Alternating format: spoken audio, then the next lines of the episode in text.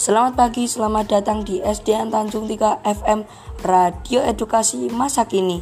Bersama saya Rifki, kita akan membahas peredaran darah pada hewan. Jadi, peredaran darah memiliki fungsi yang penting bagi kelangsungan hidup.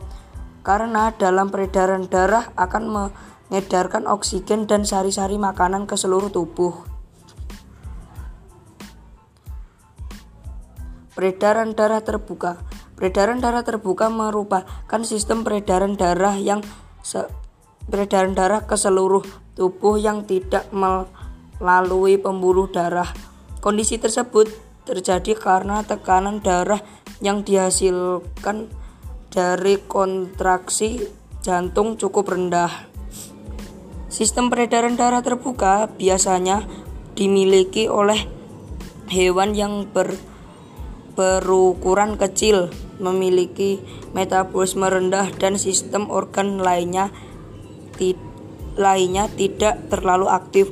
Hewan yang memiliki sistem peredaran darah terbuka, misalnya hewan atopoda seperti belalang, capung, laba-laba, kepiting, lobster, dan udang, ubur-ubur, siput, dan bekicot. Peredaran darah tertutup pada peredaran darah tertutup, darah akan keluar dari pembuluh darah dan mem memasuki jantung dengan cepat. Konstan kondisi tersebut terjadi karena pada peredaran darah tertutup darah dipompa dengan jantung.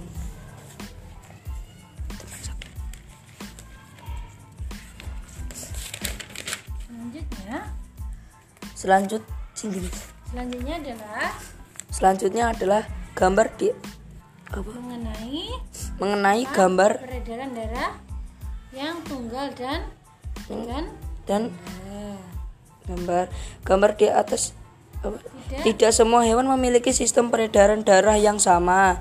Ikan memiliki peredaran darah tunggal karena darah hanya melewati jantung satu kali.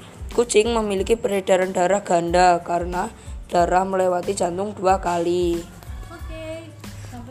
Oke, sampai jumpa okay. di podcast SDN Tanjung 3. Selanjutnya. Selanjutnya. Assalamualaikum, Assalamualaikum warahmatullahi wabarakatuh.